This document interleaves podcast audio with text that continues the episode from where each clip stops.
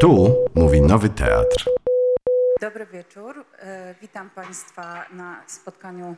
z wybitną pisarką i osobą Weroniką Murek, e, które będzie spotkaniem wokół jej książki Dziewczynki,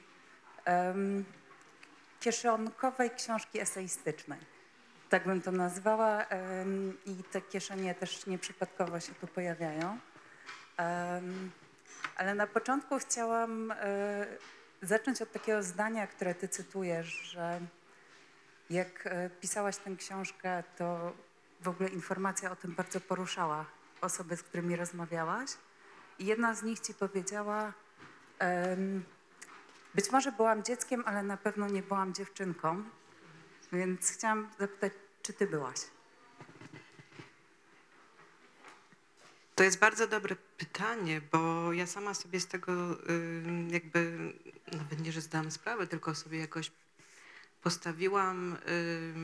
tego rodzaju właśnie możliwość opowieści o sobie w momencie właśnie, w którym y, między innymi dzięki tej rozmowie, którą teraz cytujesz, zaczęłam się nad tym zastanawiać. Faktycznie ta rzecz wyglądała też tak i y, to, o czym mówisz a propos tego tematu, który wzbudzał takie zainteresowanie, czy jakby bardziej emocje nawet niż zainteresowanie, to były faktycznie te rozmowy, które jeszcze się wydarzały te kilka lat temu, właśnie e, w trakcie pracy nad spektaklem Dziewczynki w Teatrze Studio. I właśnie od tamtego momentu jakoś ten temat i mój dyskomfort wobec tego tematu ze mną został. I też dlatego chciałam e, jakoś się nad nim dłużej pochylić, bo chciałam zbadać ten dyskomfort, a może też spróbować jakoś sobie z nim, może nie tyle poradzić, ale dać mu jakieś takie inne światło czy inne powietrze, które sprawiłoby, że to wyrażenie być jak dziewczynka, czy dziewczynka, figura dziewczynki w ogóle, taka pojawiająca się w życiu jako jeden z motywów, czy jedno z wcieleń, przez które się przechodzi, byłoby czymś dla mnie takim niosącym dobrą energię, dobre skojarzenia.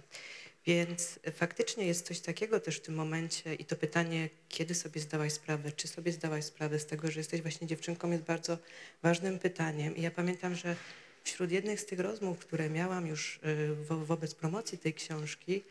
y, jedna z moich rozmówczyń powiedziała mi coś takiego, że o tym, że sobie uświadomiłam, że jestem dziewczynką, uświadomiłam sobie, kiedy miałam 10-11 lat i kiedy zorientowałam się, że to oko, cudze oko, które na mnie patrzy, nie robi tego bezkarnie i przychodzi do mnie z jakimś konkretnym interesem tego, w jaki sposób chce mnie widzieć, czegoś ode mnie chce, coś na mnie już nakłada, coś sobie wyobraża. Więc faktycznie takie momenty myślę, że yy, yy, są bardzo też ciekawe a propos właśnie takiego uświadomienia sobie z jednej strony właśnie wtłaczania, a z drugiej strony też swojego własnego przechodzenia przez tego różnego rodzaju wcielenia, które są związane właśnie z dziewczynką, z byciem kobietą, z byciem dziewczyną po prostu. No tak, bo też ta, to, jak pokazujesz, no właśnie, doświadczenie bycia dziewczynką, czy może nawet doświadczenie bywania dziewczynką, bo ja mam wrażenie, e, czytając te eseje, że to jest e, niekoniecznie coś stałego, ale też, że bycie dziewczynką jest w jakimś punkcie wyjścia taką wstydliwą przypadłością.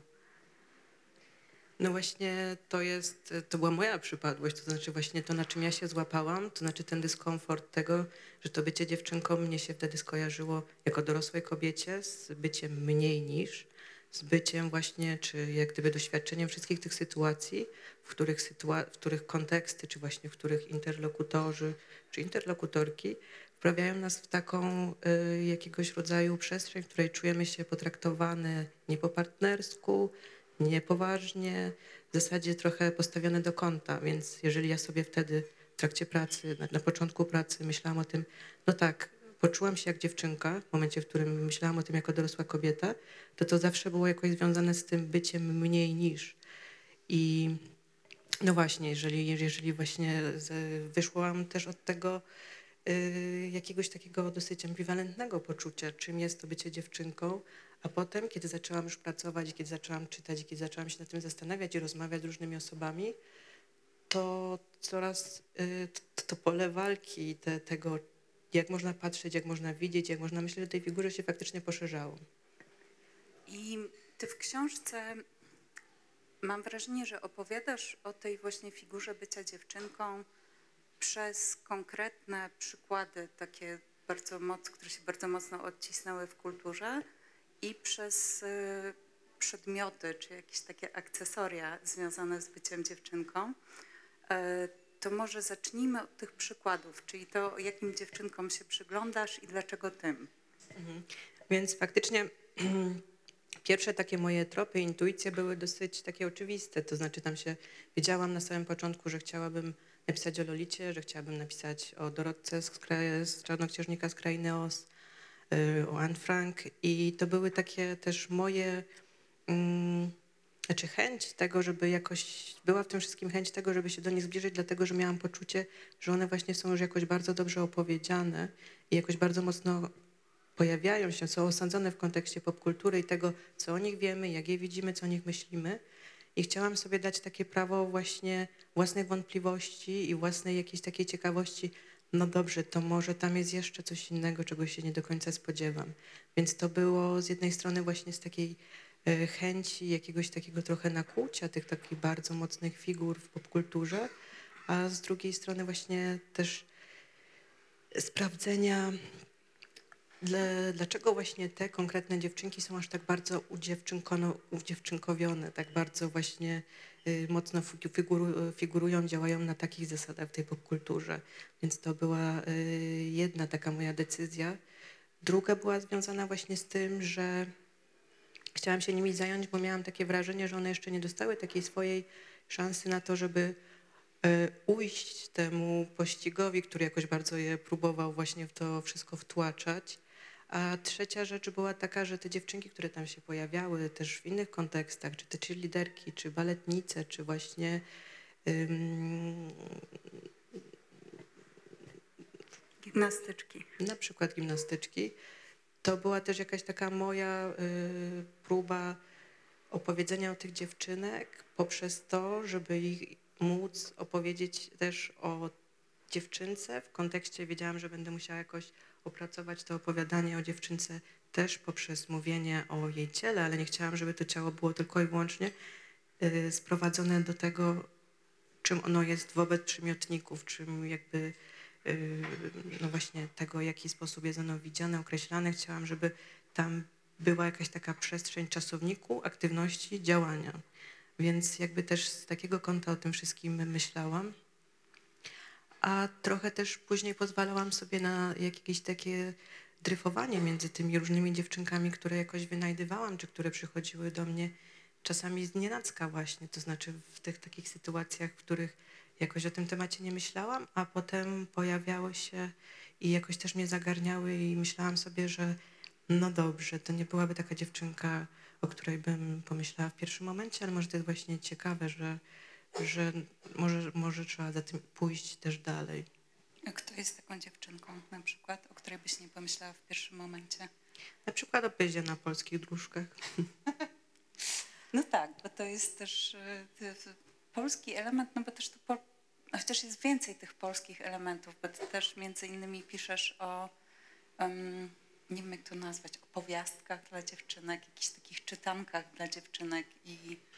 między innymi polskich i mam wrażenie, że one tak em, dosyć dobrze pokazują, że w ogóle to w tej takiej em, namaszczonej wersji, wydanej i podsuwanej dziewczynkom, to stawanie się dziewczynką, czy stawanie się kobietą, a przestawanie być dziewczynką, to jest jakaś opowieść o poskromionym buncie. No tak, też o takim wiecznym sprowadzaniu do parteru, trochę o tym, żeby się nie wychylać, żeby jakoś poprzestawać na tych zasadach, czy w tym gorsecie, do którego cały czas te dziewczynki są wtłaczane. I to było z jednej strony dla mnie ciekawe w momencie, w którym e, czytałam, później pisałam o takich postaciach właśnie jak Shirley Temple czy Judy Garland, to znaczy takich dziewczynkach, które już nawet w momencie, w którym były dziewczynkami, były uważane za, na, za po prostu zbyt stare, żeby być dziewczynkami. Mówimy tutaj o Shirley Temple, która miała 6 lat i już była zbyt stara na to, żeby być dziewczynką, przynajmniej w takim filmowym obrazie. Więc z jednej strony właśnie takie wieczne poskramianie a propos tego, jak powinna ta dziewczynka wyglądać, czym ona powinna być, ale też to, o czym powiedziałaś, a co jest związane właśnie z tym, czym jest grzeczna dziewczynka, z tym, co jej wypada, co nie wypada, wszystkich tych konwenansach, y, wobec których one jakoś egzystowały i gdzie szukały jakichś takich swoich własnych, czasami bardzo prywatnych przestrzeni wolności. Myślałam o tej wolności właśnie w momencie, w którym pisałam o sekretach, w których pisałam o szepcie, w których pisałam o dziennikach i pamiętnikach i szukałam właśnie takich y, chwil wspólnoty tych dziewczynek, w których one faktycznie mogły jakoś pobyć same ze sobą i wobec siebie na własnych warunkach. I to też było dla mnie ciekawe, że w momencie, w którym zaczęłam jakoś próbować badać to, skąd w ogóle, znaczy w którym momencie tak można w zasadzie powiedzieć o tym, że te dziewczynki jako grupa społeczna zostały dostrzeżone i faktycznie jakoś przynajmniej w tej tradycji, która jest związana z, z, z, czasami powiedzmy wiktoriańskimi, to był moment, w którym y, upowszechniała się edukacja i te dziewczynki mogły po raz pierwszy właściwie w ramach bycia uczennicami, y, nierzadko właśnie tych takich szkół, do których wyjeżdżały i pobyć jak gdyby we własnej grupie społecznej, zmierzyć się, sprawdzić, kim one są wobec innych dziewczynek, nawiązać jakieś kontakty i to, co na początku wydawało się jakąś taką wielką wyprawą, w których one wyjeżdżając z domu miały poczucie, że będą bardzo tęskniły i że nie wiadomo właściwie z czym do nich przyjdzie ta rzeczywistość, ostatecznie okazywało się taką przestrzenią, do której one wcześniej nie miały dostępu. I chociażby coś takiego jak wspólne wyjścia do parku między lekcjami, między zajęciami, był już takim momentem budowania tej wspólnoty, które, o której one potem wracając do domów mówiły z wielką taką tęsknotą i z takim poczuciem, że dobrze, przydarzyło się nam jakieś takie życie, w którym mogłyśmy pobyć razem i to była taka przestrzeń publiczna, o jakiej możemy sobie mówić, kiedy myślimy o tych czasach wiktoriańskich, a teraz zostaje nam taka wielka domowość, czy jakieś takie wielkie zamknięcie w zasadzie w tej takich czterech, czterech ścianach i w tej roli właśnie dziewczynki, która później jako ta pomocnica mamy ma się stawać kobietą, która też była dla nich jakąś takim powrotem do samotności tak naprawdę. No i też chyba oderwaniem od stada to nie jest takie najlepsze porównanie, no bo to porównywanie dziewczynek czy kobiet i zwierzątek może nie jest najfor, najfortunniejsze, ale to powiedzmy na szybko tak mi przyszło do głowy, bo to, co ty piszesz o grupach dziewczynek, właśnie o takich typowych dziewczyńskich zajęciach typu chodzenie razem do toalety, trzymanie drzwi, właśnie dzielenie się sekretami, szeptanie i tak dalej. Dla mnie było ciekawe, bo ja mam wrażenie, że to jakoś pokazuje napięcie między byciem indywidualną osobą i byciem w jakiejś właśnie wspólnocie, byciem jakimś typem. I być może jest tak, że dopiero jak, te, jak tych dziewczynek jest dużo i one są wszystkie razem, to są w stanie dostrzec i świat jest w stanie dostrzec jakieś różnice między nimi. W sensie człowieka pod tą dziewczynką zobaczyć. Mhm. No tak, to jest faktycznie ciekawe, o czym mówisz właśnie, o tych typach dziewczynek i o, tej, indy, o tym indywidualizmie i e, o tym właściwie, że tak jak powiedziałaś, to dojście do głosu czy bycie zauważoną jest jak gdyby też e, trochę związane z, z taką moc, takim mocniejszym zawiązaniem tej wspólnoty. No bo też, e, wiesz, trochę wracając do tych dziewczynek, które opisujesz, tych takich powiedzmy ikon popkulturowych dzie- dziewczyńskości, e, czyli Shirley Temple i, i Dorotki, Judy Garland i Lolity, to jednak to twoje pisanie pokazuje, że one są niby bardzo dobrze opisane, ale tak naprawdę e, jednocześnie jakoś bardzo mało rozpoznane, że te opisy chyba bardzo często się koncentrują właśnie na jakichś takich zewnętrznych warstwach i na tym, jak one chcą być, znaczy jak świat chce je widzieć. I to też się chyba działo przy okazji dziennika Anny Frank, o której e, ja się dowiedziałam z twojej książki, że on został przycięty i ocenzurowany pod właśnie pod jakieś takie oczekiwania tego, co dziewczynka mogła napisać, a czego napisać nie powinna. Em, I to wszystko mnie sprowadza do pytania, czy dziewczynki istnieją naprawdę. Tak jak powiedziałaś teraz, to, to faktycznie jak gdyby mm, najbardziej jakoś mi się rzucało w oczy, kiedy się zaczynałam zajmować tą postacią Lolity, to znaczy z jednej strony właśnie tej dziewczynki, która jakoś bardzo mocno przeszła do tej popkultury i była bardzo dobrze opisana, a z drugiej strony miałam takie poczucie, jeszcze od czasów pierwszej lektury, że ta Lolita jakoś mm, no właściwie mm, jest taką arcydziewczynką, ale też bardzo arcyopowiedzianą, arcy jak gdyby y, opowiadaną poprzez różnego rodzaju obrazy i klisze, jest wzięta przez narratora na ten język, y, w którym jest też zamknięta i to, co dla mnie było jakieś poruszające w tym wszystkim, to była to wypowiedź właśnie Wery Nabokow, która jako jedyna y, zauważyła tą rozpacz Lolity, po prostu jej jakąś samotność w tym wszystkim i powiedziała, że faktycznie to jest jedna z tych rozpaczy, z, z tych y, samotności, które są bardzo krótkie, ale nie dlatego, że one krótko trwają, tylko dlatego, że mają bardzo mało miejsca na to, żeby zostać opowiedziane. Więc y, jeżeli teraz po, po, pomyślałam sobie o tej Lolicie, kiedy zapytałaś o te istnienie naprawdę i, i jak gdyby te wszystkie filtry, przez które te bohaterki przechodziły i podobnie znowu wracając do tej postaci Lolity, e, e, Dorotki, ale też właśnie Judy Garland, czyli jakiegoś mojego takiego własnego odkrycia wobec tego, że ta dziewczynka miała być czymś zupełnie innym niż ostatecznie się okazała, nim, co z nią wobec, czy wobec niej, co, co zrobiono. E, A mówię o tym dlatego, że właściwie mm, ona powstała jako taka bohaterka, która miała w sobie utożsamiać, tak jak chciał autor,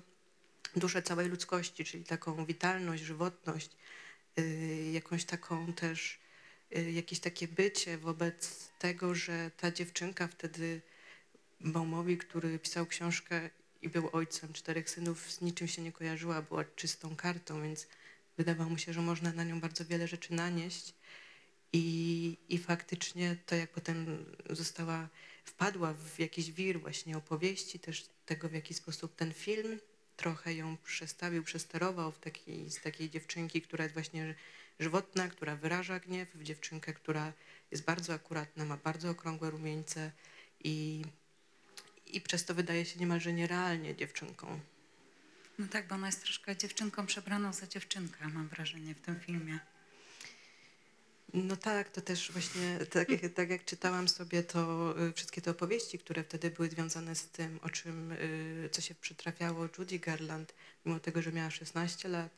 to faktycznie trzeba ją było jakoś wtłoczyć, trzeba ją było zmniejszyć, trzeba ją było udziewczynkować i upupić tym samym, więc, więc jak gdyby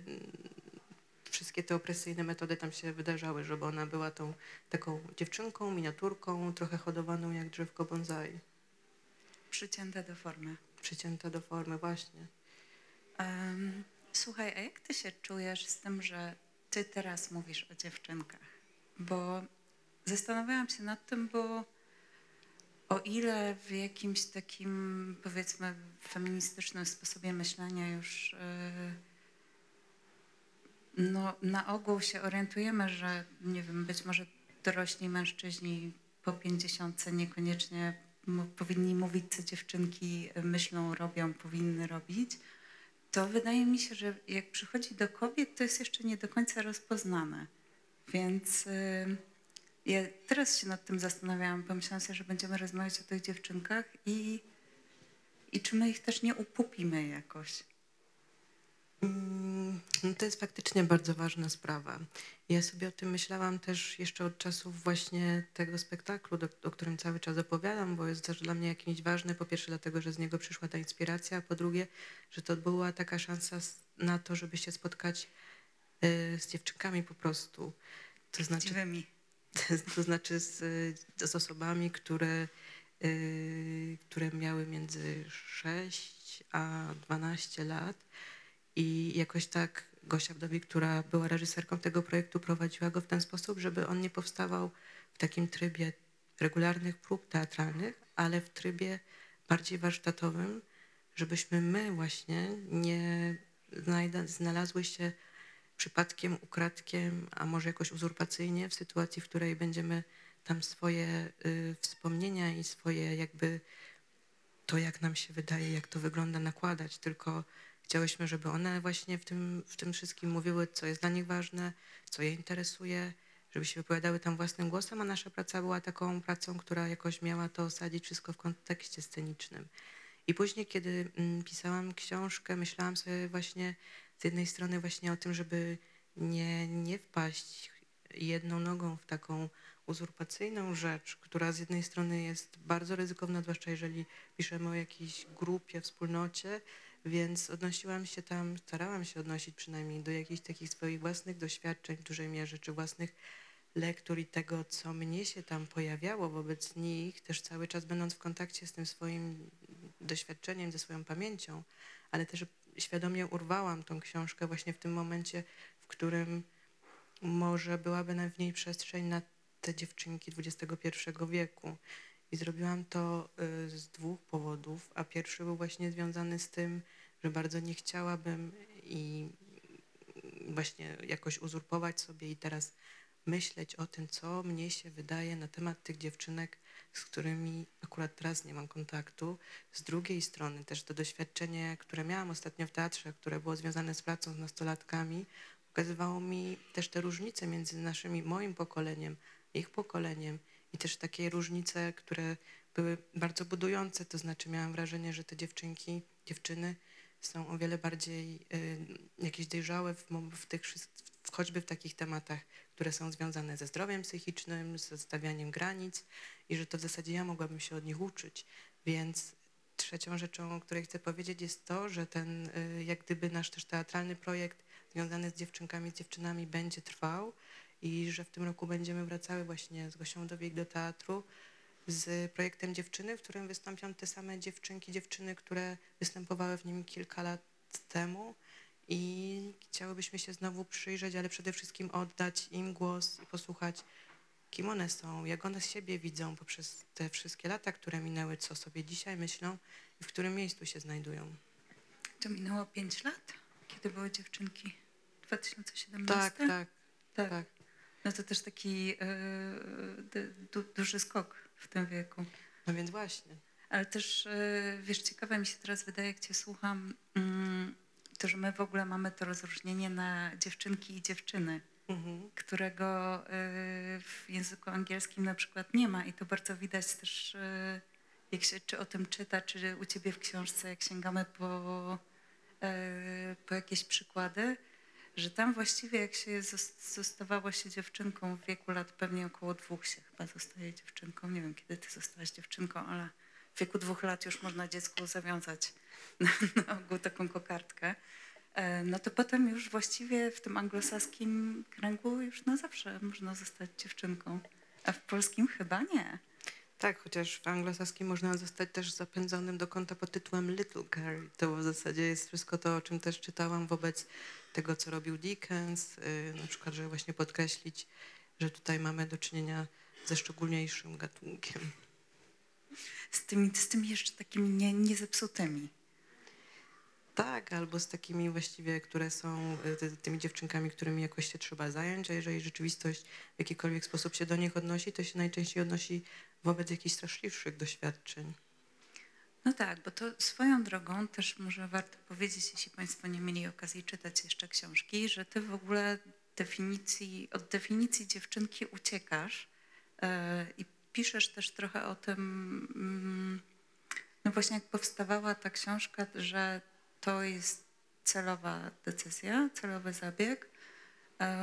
i on się jakoś bardzo składa w ogóle z tym, że ty mówisz właśnie, że bycie dziewczynką to jest jakieś bycie mgławicą, wodą w naczyniu, stawaniem się ciągłym, nie? Jak to było? No właśnie, więc pomyślałam sobie, że ja sama, jeżeli piszę o tych pułapkach karbów, korsetów i właśnie definicji, to chciałabym jednak tą książkę otworzyć na to, żeby nikogo nią nie przytrzasnąć, nie, nie przytrzasnąć tą opowieścią i, i swoimi jak gdyby określeniami i wyobrażeniami. I chciałam, żeby ta dziewczynka w zasadzie też była takim szerzej postawionym tematem, znaczy też jakiegoś takiego uniwersalnego y, doświadczenia życiowego, które ma się bez względu na wiek i na płeć, dlatego to stawanie się jako ten podtytuł było dla mnie takie ważne, więc nie chciałam po pierwsze y, stosować tutaj żadnych definicji i tego, w jaki sposób inni to sobie wyobrażali, jak ja sobie to wyobrażam, tylko pomyśleć o tym jako o jakiejś takiej mgławicy, jakimś takim błysku, jakimś takim kolażu, mozaice, właśnie tak jak się robi te sekreciki trochę doświadczeń, czy jakichś takich, czy doświadczeń wspólnych, czy właśnie indywidualnych, żeby czytelnik, bez względu na to, kim będzie, mógł sobie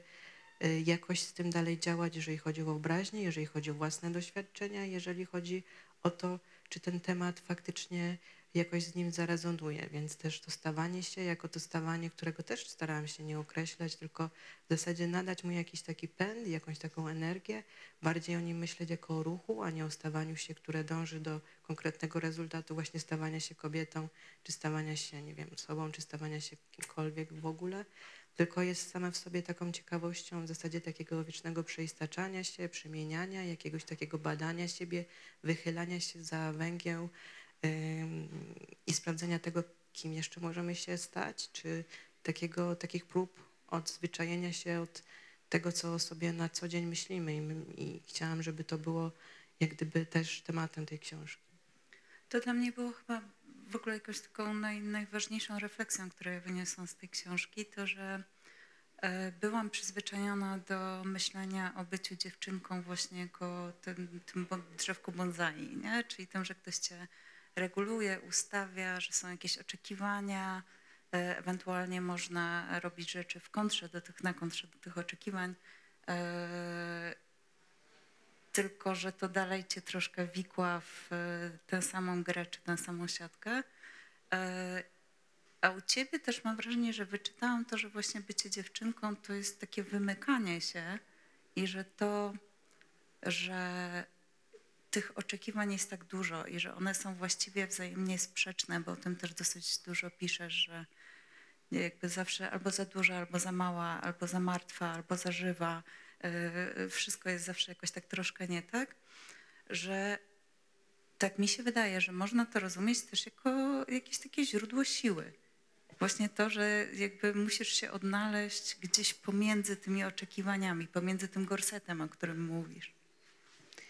Tak, albo jakoś bardziej szukać takiej drogi, która właśnie byłaby ujściem z tego gorsetu. Jakby, no dobrze, są te wszystkie oczekiwania i czasami akurat jest tak, że jakoś się do nich zbliżamy, czasami się oddalamy i to jest w porządku i to jest jak gdyby a propos szukania takiej drogi poza swoimi, poza czyimkolwiek oczekiwaniami, poza tymi, które mamy wobec siebie, czyli jakimiś na- nadziejami. Y, I to, co mówisz teraz o wymykaniu się, faktycznie jakoś było dla mnie też kluczowe w jakimś, jakiejś takiej próbie uwolnienia przede wszystkim dla, dla samej siebie właśnie tej figury dziewczynki, tego, że tutaj no faktycznie jak gdyby ona się nie daje przyszpilić, ona się nie daje jakoś przyłapać, ona się wymyka jakimś takim prostym rozpoznaniom i w związku z tym też poprzez to, że jej droga jest jakimś rozwojem, no to też niesie to taką szansę właśnie uskoku z rzeczywistości, która wyciąga po nią szpony. Czy ona się w twojej książce się bardzo wymyka, bo mam wrażenie, że na ogół się nie wymyka i że właśnie jakieś takie społeczne przekonanie już nie tylko takie konserwatywno-tradycyjne co do dziewczyńskości, ale też to takie nowe, popowe przekonanie dotyczące dziewczyńskości też jest bardzo wyraźne i, i nie wiem, czy zostawia dużo pola do manewru, bo ja mam wrażenie, że teraz że teraz dziewczyńskość właśnie musi, y, ponieważ zawsze była tą słodkością i delikatnością, to teraz z kolei dziewczyńskość powinna być taka, wiesz, zadziorna, mm, energiczna, wiesz, że trochę wpadamy w taką pułapkę, że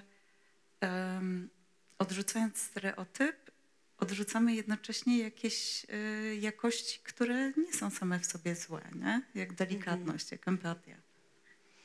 No tak, wszystkie te kwestie właśnie związane bardziej z temperamentem, więc ja bardzo chciałam, żeby na to pytanie, czy dziewczynki mają być grzeczne, czy niegrzeczne, mogło- można było odpowiedzieć,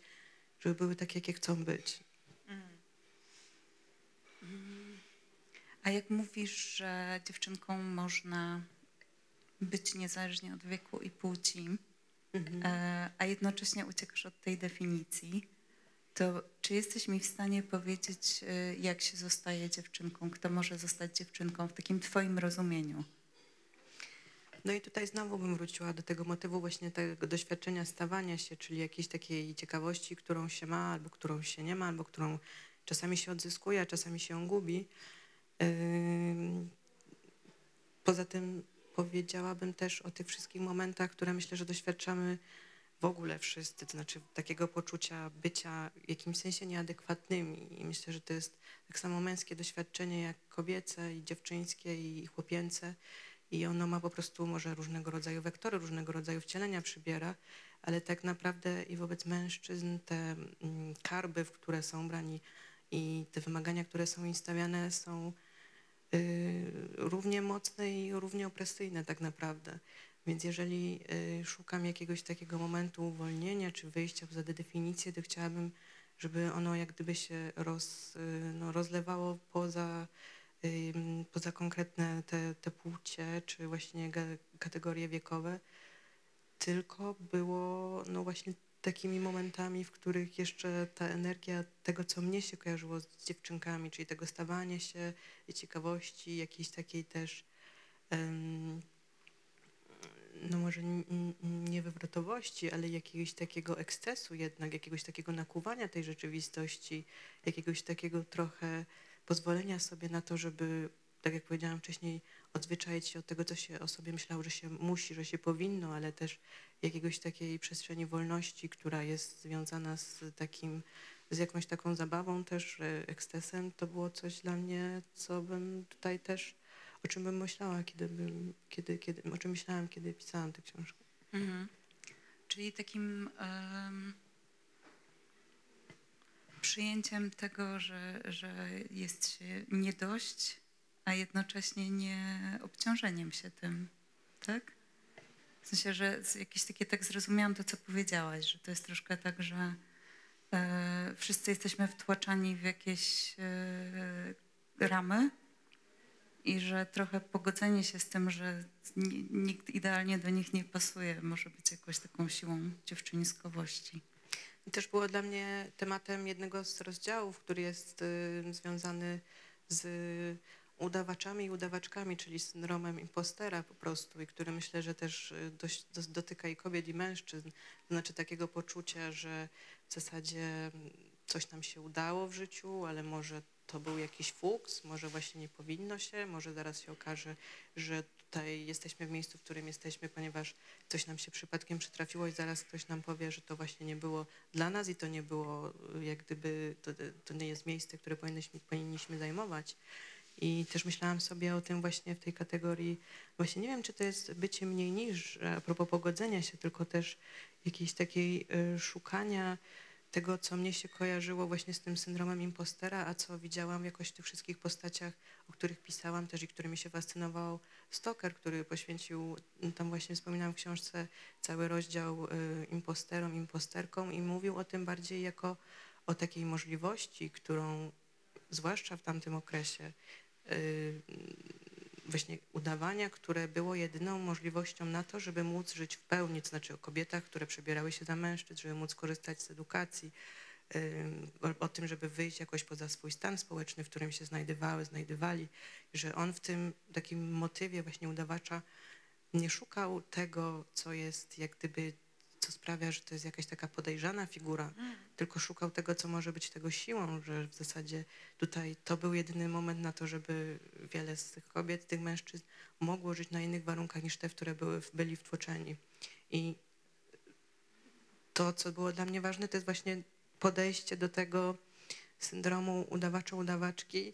jako takiej też, mm, jakiego takiego momentu, w którym no właściwie można sobie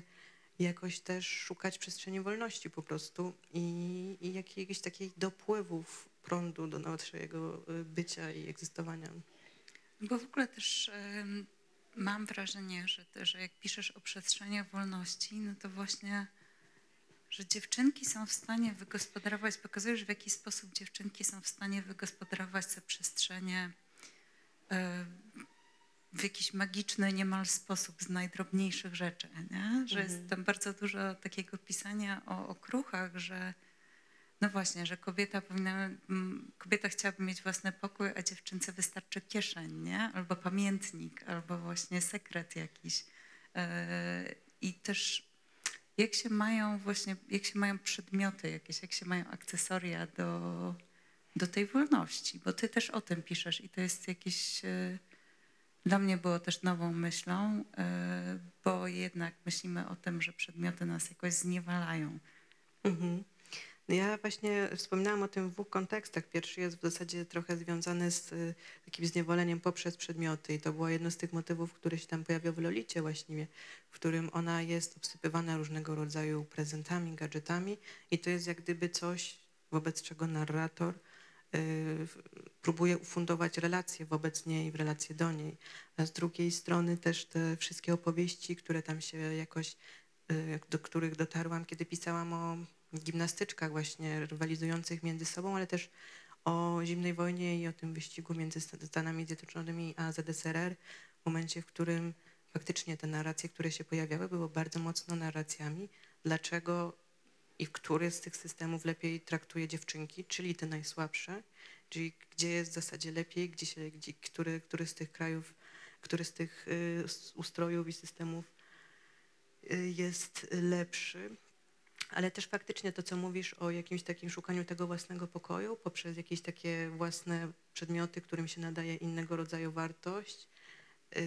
i które stają się trochę takimi talizmanami czy jakimiś takimi gwoździami, na których można rozpiąć sobie tą dziewczyńską przestrzeń jakiejś takiej wolności egzystencji, ale też takiej spokojnego, takiego spokojnego bycia samą ze sobą, na, wobec którego można się spokojnie zastanowić też, gdzie się jest, kim się jest, jakim się językiem mówi, który z tych wszystkich głosów właśnie wobec tego stawania jest w nas najraźniejszy w tym momencie, w którym jesteśmy, czyli takiego też mm, e, raźnego stawania się, czyli właśnie mówimy o tych jakichś e, sekrecikach, o, mówimy o pamiętnikach przede wszystkim e, i tego rodzaju opowieściach, ale to jest faktycznie jakoś ciekawe, że gdyby te całe, te całe akcesorium dziewczyńskie, o którym myślałam nie tylko jeżeli chodzi o przedmioty, ale też jeżeli chodzi o język i to, jak zaczęłam się zastanawiać, w jaki sposób funkcjonują różnego rodzaju słowa, które jakoś mm, przynależały też do atrybutów dziewczynek, to znaczy właśnie sekret, to znaczy właśnie kaprys, to znaczy właśnie... Mm, ostatnio zaczęłam się zastanawiać, bo też y, trochę o tym zaczęłam pisać, nad... Y, tym słowem i tym wszystkim, co jest z nim skojarzone i związane z chichotem po prostu, z czymś takim bardzo też jakoś dziewczyńskim, też czymś takim bardzo wspólnotowym, ale też czymś takim, co w jakiś sposób z jednej strony właśnie tak jak te szepty budowało relacje, czasami wykluczało spoza tej relacji, ponieważ był jakiś taki osobny, właściwy chichot, który był takim trochę znakiem rozpoznawczym, jak u pierwszych chrześcijan yy, znaki, więc jak gdyby chodziło, myślałam sobie o tym chichocie i o takim odczarowywaniu tych słów, które y, jakoś mało ważą dzisiaj w polszczyźnie, bo są właśnie z tego akcesorium dziewczyńskiego, a które też mają jakąś taką bardzo ciekawą wartość w tym wszystkim. Czytałam sobie właśnie ostatnio o, a propos tego chichotu, o tym, że w zasadzie chichot jest tym, co łączy dziewczynki i rzymskich senatorów z czasów cesarza Komodusa, bo to też było bardzo ciekawe, że to jest faktycznie jakiś taki moment, w którym pojawia się to słowo chichot i w którym ten chichot jest faktycznie takim śmiechem, raczej będącym po stronie kobiet, ale takim śmiechem, który też ma w sobie jakiegoś rodzaju wykluczenie, to znaczy to jest nasza jakaś opowieść, to jest nasz powód, to jest jakaś taka nasza bardzo wspólnotowa, zamknięta opowieść, która się wydarza w tym śmiechu, w tym chichocie i ma też jakieś takie, no nie wiem czy rebelianckie, ale takie nakuwające rzeczywistość e, oddziaływania. I mm, jest taka opowieść, którą nam cytuje Mary Bird w jednym z esejów a propos właśnie takiej wyzwalającej, wyzwalającej mocy chichotu, yy, opisując bodajże rzymskich senatorów czasów yy, cesarza Kommodusa, którzy jakby złapali się na tym, że oni chichoczą jak kobiety i w związku z tym, co powinni z tym zrobić, a chichotali jak kobiety, dlatego że w jednym z, z występów na, na arenie cesarz zadecydował się wyperformować akt, w którym ściął głowę strusia, zbliżył się do senatorów, pokazał im tą głowę strusia i zaobiecał, że może zrobić to samo co wydało im się tak kuriozalne, że zaczęli po prostu chichotać i jedynym sposobem na to, żeby nie chichotać było wyciąganie liści laurowych z wieńców, które nosili i rzucie ich po prostu, żeby ukryć ten śmiech, który mógł się bardzo źle sobie skończyć. We, wepchnąć sobie chichot do gardła z wepchnąć powrotem. sobie z powrotem ten chichot do gardła, ale też jak gdyby, jak tylko cała ta sytuacja się skończyła, to jak gdyby ta przestrzeń też uwolnienia, jakiegoś takiego bycia poza tym takim sztywnym, bardzo też poważnym, światem, który jest związany z tym autorytetem, z władzą, był też dla nich jakąś taką podobną przestrzenią, myślę. I myślałam sobie o tym chichocie, że on ma tak naprawdę bardzo ciekawą tradycję i, i być może też taką moc wyzwalającą. No, mi się wydaje, że on jest troszkę bronią, taką bardzo, bardzo niedoskonałą bronią, ale najlepszą, na którą stać osoby słabe. Czy słabe, czy no, słabe to może jest złe słowo, ale znajdujące się na jakiejś takiej mało uprzywilejowanej pozycji, tu mówię o dziewczynkach, nie o senatorach. że jednak właśnie te, te takie grupy dziewczynek wybuchające chichotem, e, to są często jakieś takie sceny, z, które ja kojarzę z, no właśnie z jakichś poważnych sytuacji, gdzie te same dziewczynki nie zostałyby dopuszczone do głosu, więc im zostaje ten chichot, który potrafi być bardzo bolesny. To nie jest najgorsza broń, mam wrażenie. Tak, to prawda, faktycznie. A wróćmy jeszcze na chwilę do pamiętników, bo też e, dosyć dużo piszesz i o pamiętnikach, i o złotych myślach. E, I dotarło do mnie, że pamiętnik jest czymś e, też takim szalenie dziewczyńskim. To też jest takie dziewczyńskie słowo, że poważni mężczyźni piszą dzienniki, a dziewczynki piszą pamiętniki. Dlaczego? To jest dobre pytanie i pomyślałam sobie też o tym właśnie, kiedy pisałam o Frank, dlatego że ona była z kolei przedstawiana chociażby przez Filipa Rota jako pierwsza autorka właśnie pamiętnika, dziennika raczej, która y, opisuje coś więcej niż tylko to doświadczenie dziewczyńskie, dziewczęce i zdaje relację jak gdyby z jakiejś takiej rzeczywistości bardzo szczególnej, która sprawia, że trzeba wziąć ten głos tej dziewczynki pod inną uwagę. I on faktycznie jakoś to y, też zauważa. A to, co mnie się wydawało ciekawe w tych pamiętnikach, to jest właśnie jakaś też jakieś takie uwolnienie, które sprawia, że to nie jest taki wielki dziennik pisany dla potomnych, tylko raczej jakaś taka wprawka, którą można mieć sama przed sobą, żeby jakoś sobie rozciągnąć kości myślowo a propos tego, w którym jestem miejscu, co o sobie myślę, co myślę o tych rzeczach, które mnie się przytrafiły i jest jakimś taką, jakąś taką przestrzenią właśnie medytacji, która tam jest dostępna właśnie na takich bardzo własnych, osobistych warunkach, a to znaczy, że jest też taką bezpieczną przestrzenią. Ale też chyba, a nie jest też trochę śladem tego, że się jest? Bo ja też o tym w taki, w taki sposób myślałam też przy przykładach, które ty przytaczasz, że nawet jeśli te pamiętniki nie były pisane dla kogoś, to one jednocześnie były jakimś takim mocnym dowodem na czyjeś istnienie. Przepraszam za tę frazę. Tak, faktycznie to tam pada właśnie w książce a propos jedne, jednego z tych przykładów, że to jest takie jakieś y, zapisywanie kartek, też jak gdyby po to, żeby ta rzeczywistość, to wszystko, co nam się przytrafia, zyskało jeszcze jakąś taką inną swoją, znaczy inną swoją przestrzeń po prostu było jakimś takim, y, no tak jak powiedziałaś, dowodem, jakimś takim śladem po tym istnieniu, jakimś takim momentem jestem tutaj i mam właśnie takie myśli mm, i właśnie tutaj będę i taka jestem i taka będę, jaka jestem teraz, a za chwilę mogę być zupełnie inna. I więc w związku z tym jest też taką, taką opowieścią dla tropicieli, trochę dla tropicielek, czyli nas samych, które właśnie sobie po tym, po jakimś czasie możemy wrócić do tych wszystkich wspomnień i, dzien- i pamiętników i zobaczyć ten cały proces, który tam się wydarza. Co jest trudne często, też nie To ukrywajmy. jest bardzo trudne, to prawda. To znaczy jest za każdym razem jakimś zmierzeniem się z lekkim takim poczuciem, że może nie trzeba było wtedy tego pisać, tak myśleć. No ja, ja mam takie doświadczenie, też o tym myślałam, że tak jak,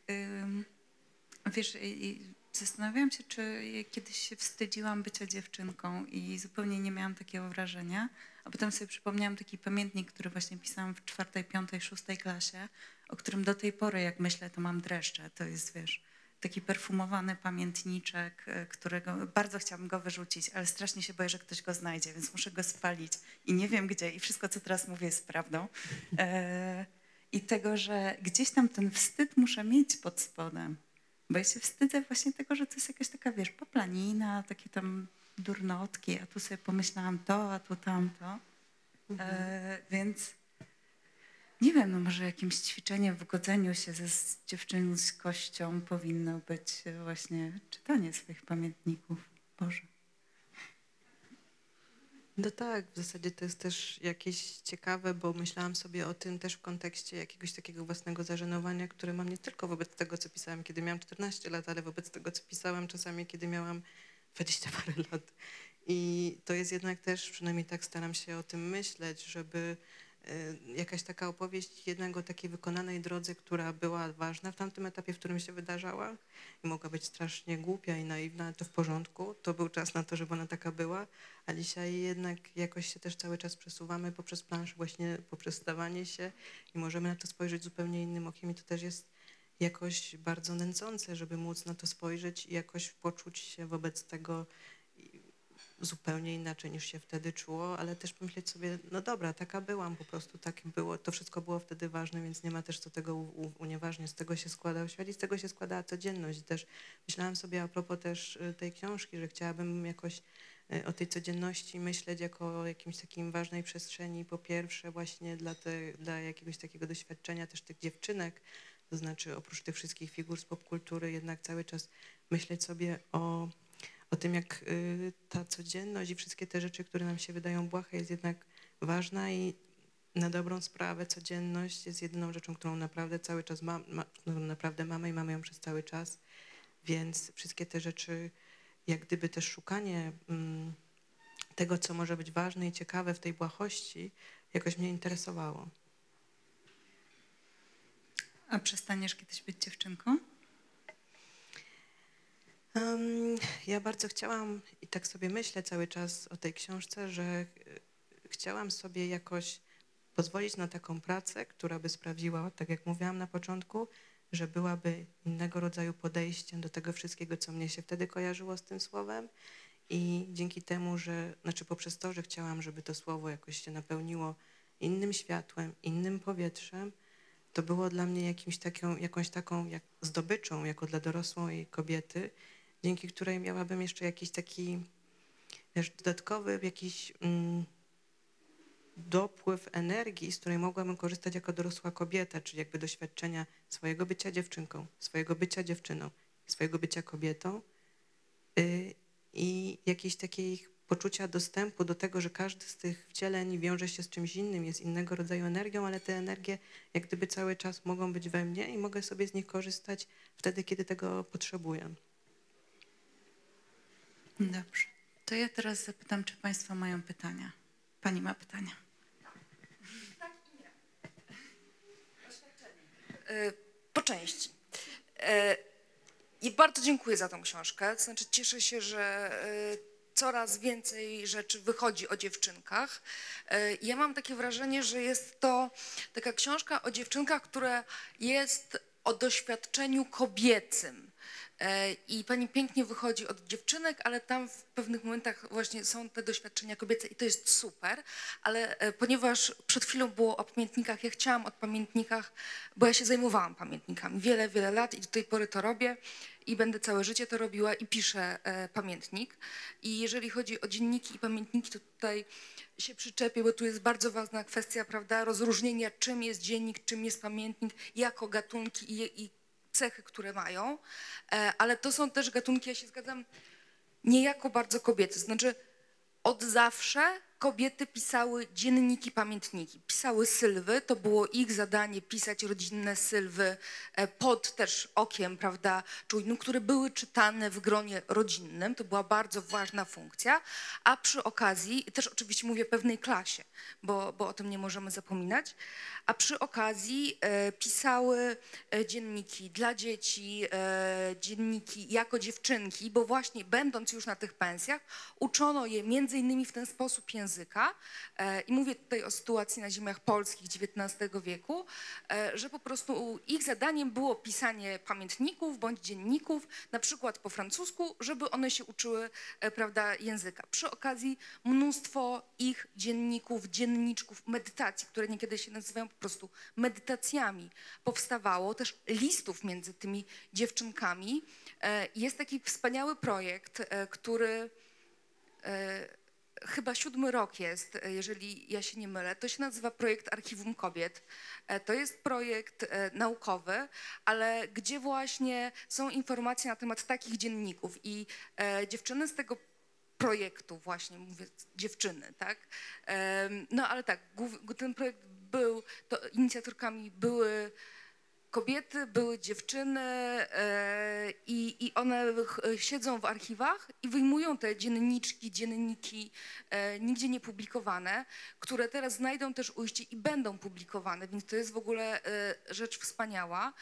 Jest taka baza internetowa Archiwum Kobiet, gdzie są informacje o tych rzeczach. I to jest wspaniałe i ja błagam nie wyrzucać tego dziennika, bo na przykład dla mnie to jest to wspaniały obiekt badań, więc ta wspólnota dookoła tego pisania dzienników, tych sekretów i tak dalej, ona jest po prostu od stuleci. E, I, i to, to jest to miejsce wolności, e, prawda? To, to, to moje słowo w końcu, gdzie ono tam wybrzmiewa, bo też dzienniki były bardzo różnie obwarowane.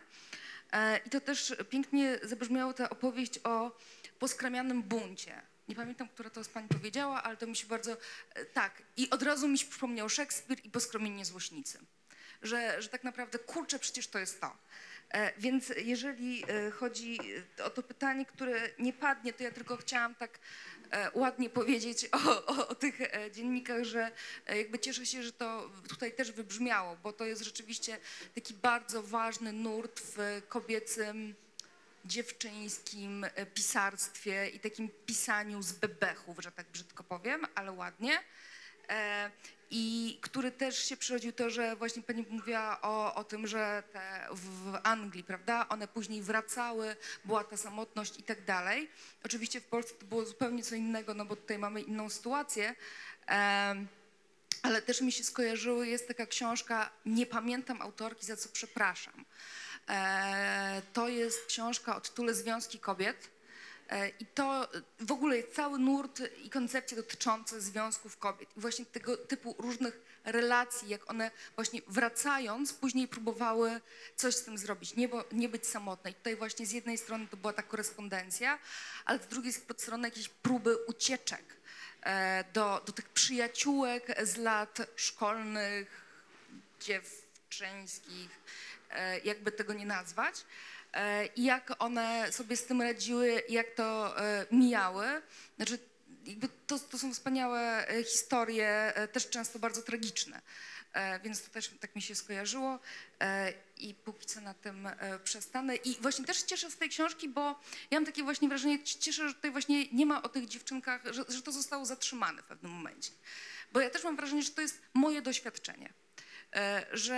e, zapewne jesteśmy z podobnego pokolenia, e, te rzeczy, które tu są, tak, ja pamiętam te złote myśli, pamiętam te pachnące pamiętniki, to było super, e, te pytania, prawda, to, to było super i e, te rzeczy, które, i, i dla mnie Dorotka z Oz rzeczywiście dużo znaczy, dla mnie dużo znaczy Pippi Langström, E, ale jak e, patrzę na dziewczynki obok mnie, jakby ja wiem, że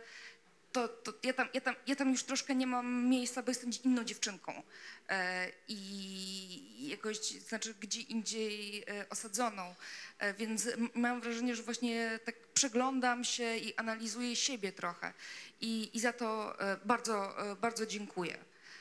Bo to jest właśnie takie fajne zmierzenie się ze sobą i też zapytanie się, gdzie ja teraz jestem.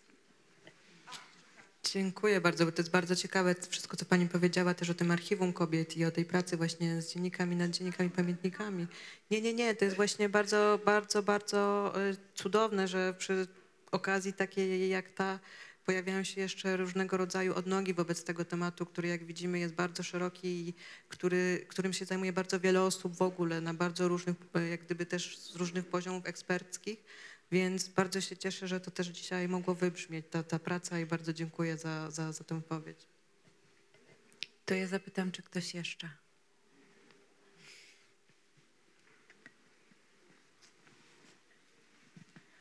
Dobry wieczór. E, Ja mam takie pytanie, przyznam szczerze, że jeszcze nie czytałam, mam na półce e, wszystko przede mną. Mam takie pytanie, czy nie odnosi Pani wrażenia, czy Państwo nie odnoszą wrażenia, że słowo dziewczynki w naszej kulturze, polskiej kulturze, szczególnie w kontekście dorosłych kobiet, jest nacechowane negatywnie. Ostatnio miałam taką sytuację, nawet u mnie w pracy, kiedy jeden e, pan zwrócił się do naszej koleżanki, dziewczynko, powiedział coś na temat innej kobiety też e, w ramach dziewczynko i moja koleżanka mając córkę trzyletnią, zwróciła mu uwagę i powiedziała mu, że dziewczynki mogą być w przedszkolu. I tutaj e, moje pytanie, czy, e, czy właśnie to słowo dziewczynki, mimo tego, że nie powinno, jest u nas w kulturze e, nacechowane negatywnie? To znaczy też myślę sobie o tym kontekście, w którym to pada, o którym trochę zaczęłam mówić właśnie na początku, to znaczy faktycznie tego poczucia, które ja miałam jako dorosła kobieta, że czułam się potraktowana jak dziewczynka, albo faktycznie te wszystkie momenty, w których mówiono, mówią do ciebie dziewczynko, albo zdrobniale, używając zdrobnienia w, w takiej relacji, w której jak gdyby no, nie ma jeszcze przestrzeni na, na tego rodzaju mm, zdrobnienia. Więc to faktycznie jest y, jakby też to, o czym mówiłam, czyli ten punkt wyjścia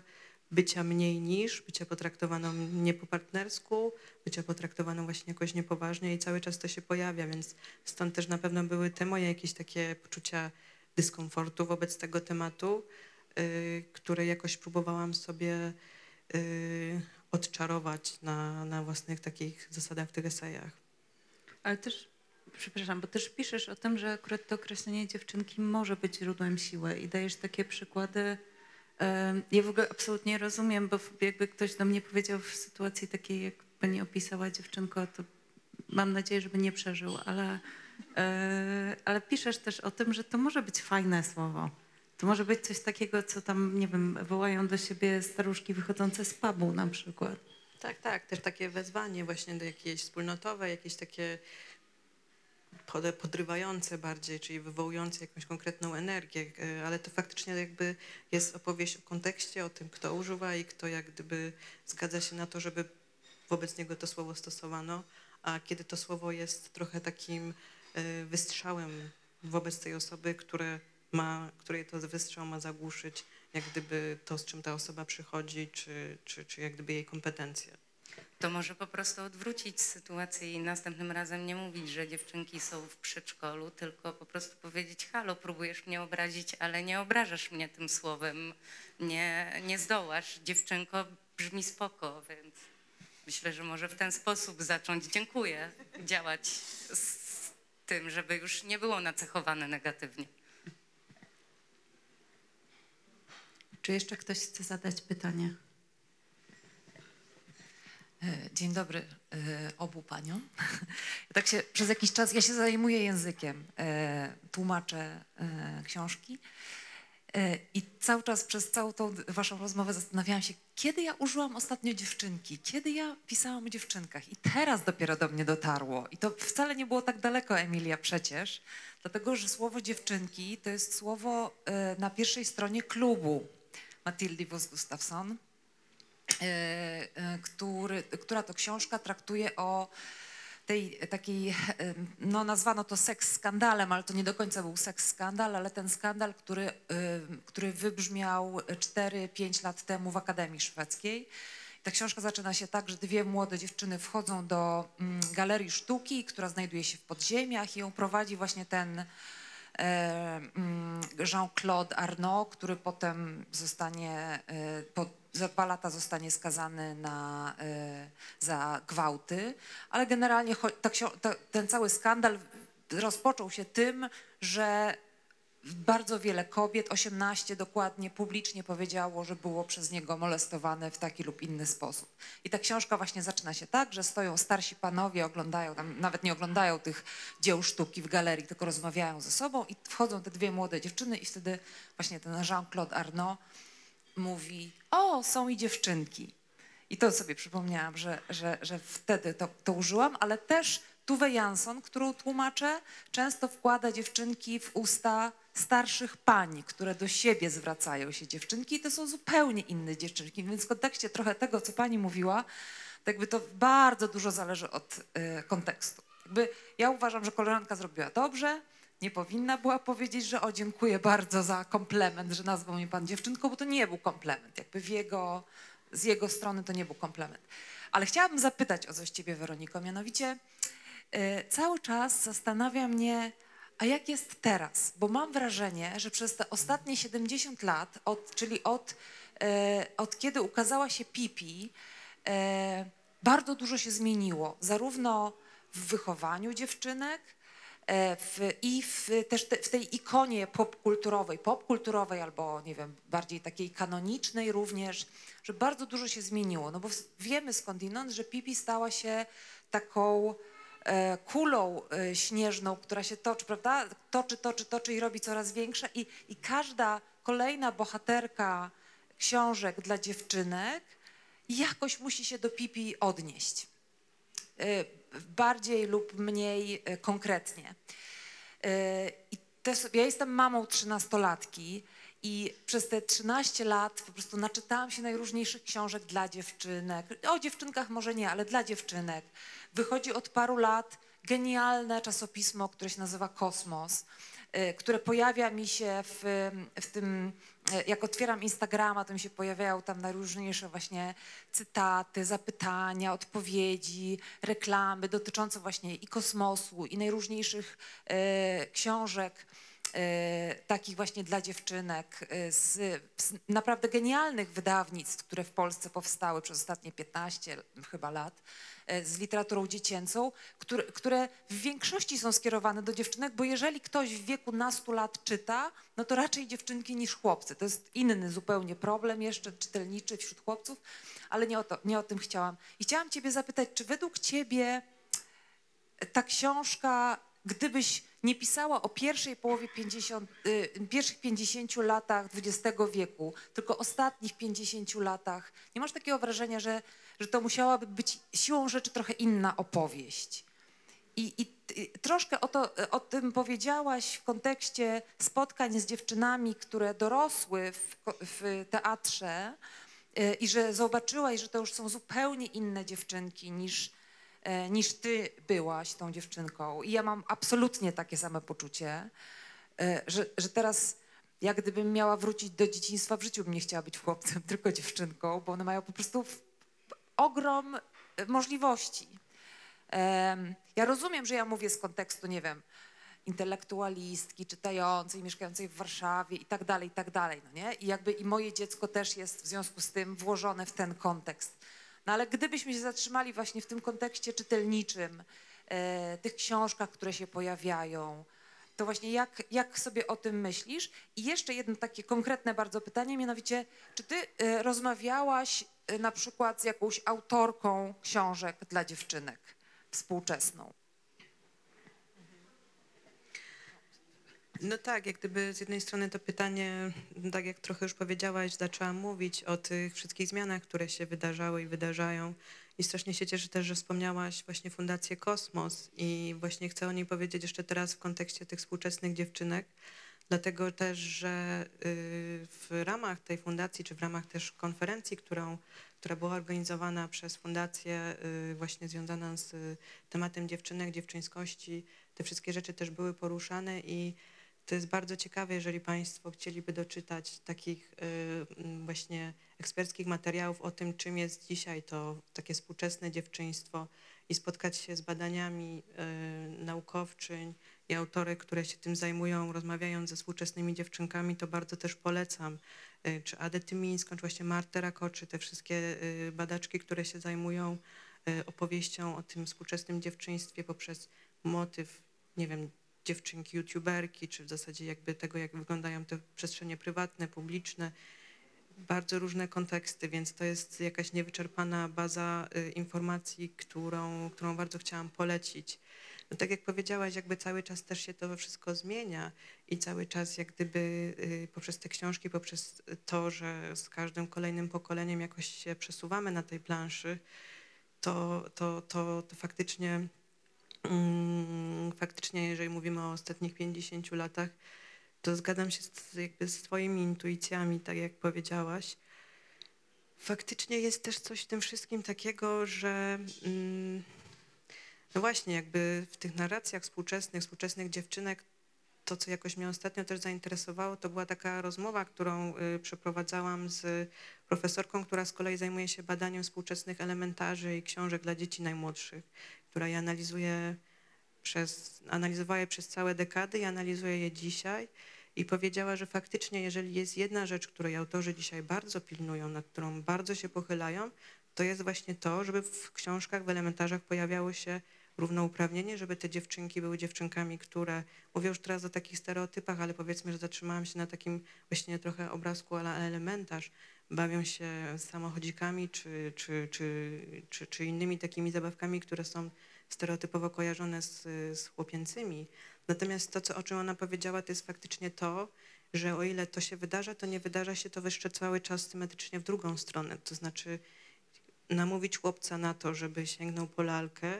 i przedstawić tego rodzaju opowieść w książkach dla najmłodszych jest nadal problemem. Ten chłopiec jakby ostatecznie może się pojawić w takim kontekście, ale opowieść jest o tym, że trzeba go bardzo długo namawiać, bardzo długo z nim rozmawiać i przekonywać, że to nie jest właśnie to bycie mniej niż. O ile te dziewczynki już się tam pojawiają z tego rodzaju wiedzą, z takim kontekstem, z jakąś taką mocniejszą, mocnym osadzeniem w, w tym kontekście właśnie równości, to w tą drugą stronę to jest jeszcze cały czas jakaś też o zupełnie inna opowieść. Czyli równość jako równanie do chłopców. No właśnie e, trochę tak to No. jeszcze cały czas wygląda. Dobrze, ostatnie pytanie. Jeśli ktoś ma potrzebę, musi podnieść rękę teraz albo zamilknąć na wieki. Dobrze, wobec tego, co jeszcze można pewnie podejść do Weroniki po spotkaniu zapytać o coś e, w tak zwanych kuluarach. Weronika jest miła, zachęcam i dziękuję Państwu bardzo. Ja też jeszcze zanim e, zakończymy, to chciałam powiedzieć jedną rzecz. Dobra, przepraszam. Mów. Nie, chciałam Ci bardzo podziękować za to, że się zgodziłaś poprowadzić dzisiaj y, spotkanie. Zwłaszcza dlatego, że 22 lutego wychodzi Twoja książka i wiem, jak trudnym, i ekscytującym, ale obciążającym czasem jest ten czas dla każdego autora. Dlatego bardzo się cieszę z Twojej obecności i cieszę się z niej też dlatego, że bardzo chciałam Ci jakby podziękować właśnie, że jesteś tutaj Ty. Bardzo podziwiam Twój talent, bardzo podziwiam Twoją błyskotliwość, bardzo podziwiam to, w jaki sposób patrzysz na świat i bardzo się cieszę, że coraz więcej osób będzie miało okazję się o tym przekonać. I zapraszamy Państwa na spotkanie autorskie Emilii, które będzie 21 lutego w Pardon to tu, które będzie prowadziła Natalia Szostak, która chyba tutaj gdzieś mignęła, no właśnie, która też debiutuje y, niedługo swoją książką pod tytułem Zguba, która wychodzi 8 marca. I Ogólnie chciałam- mamy tu taki gang dziewczynek. tak, ale chciałam powiedzieć, że się z niego bardzo cieszę, że jakoś wszystkie w tym jakoś możemy się spotykać, wspierać, właśnie wchodzić ze sobą na różnych poziomach w rozmowy i że coraz więcej tych głosów dziewczyńskich się pojawia, więc zapraszamy 21 lutego. A ja dziękuję Państwu. Dziękuję.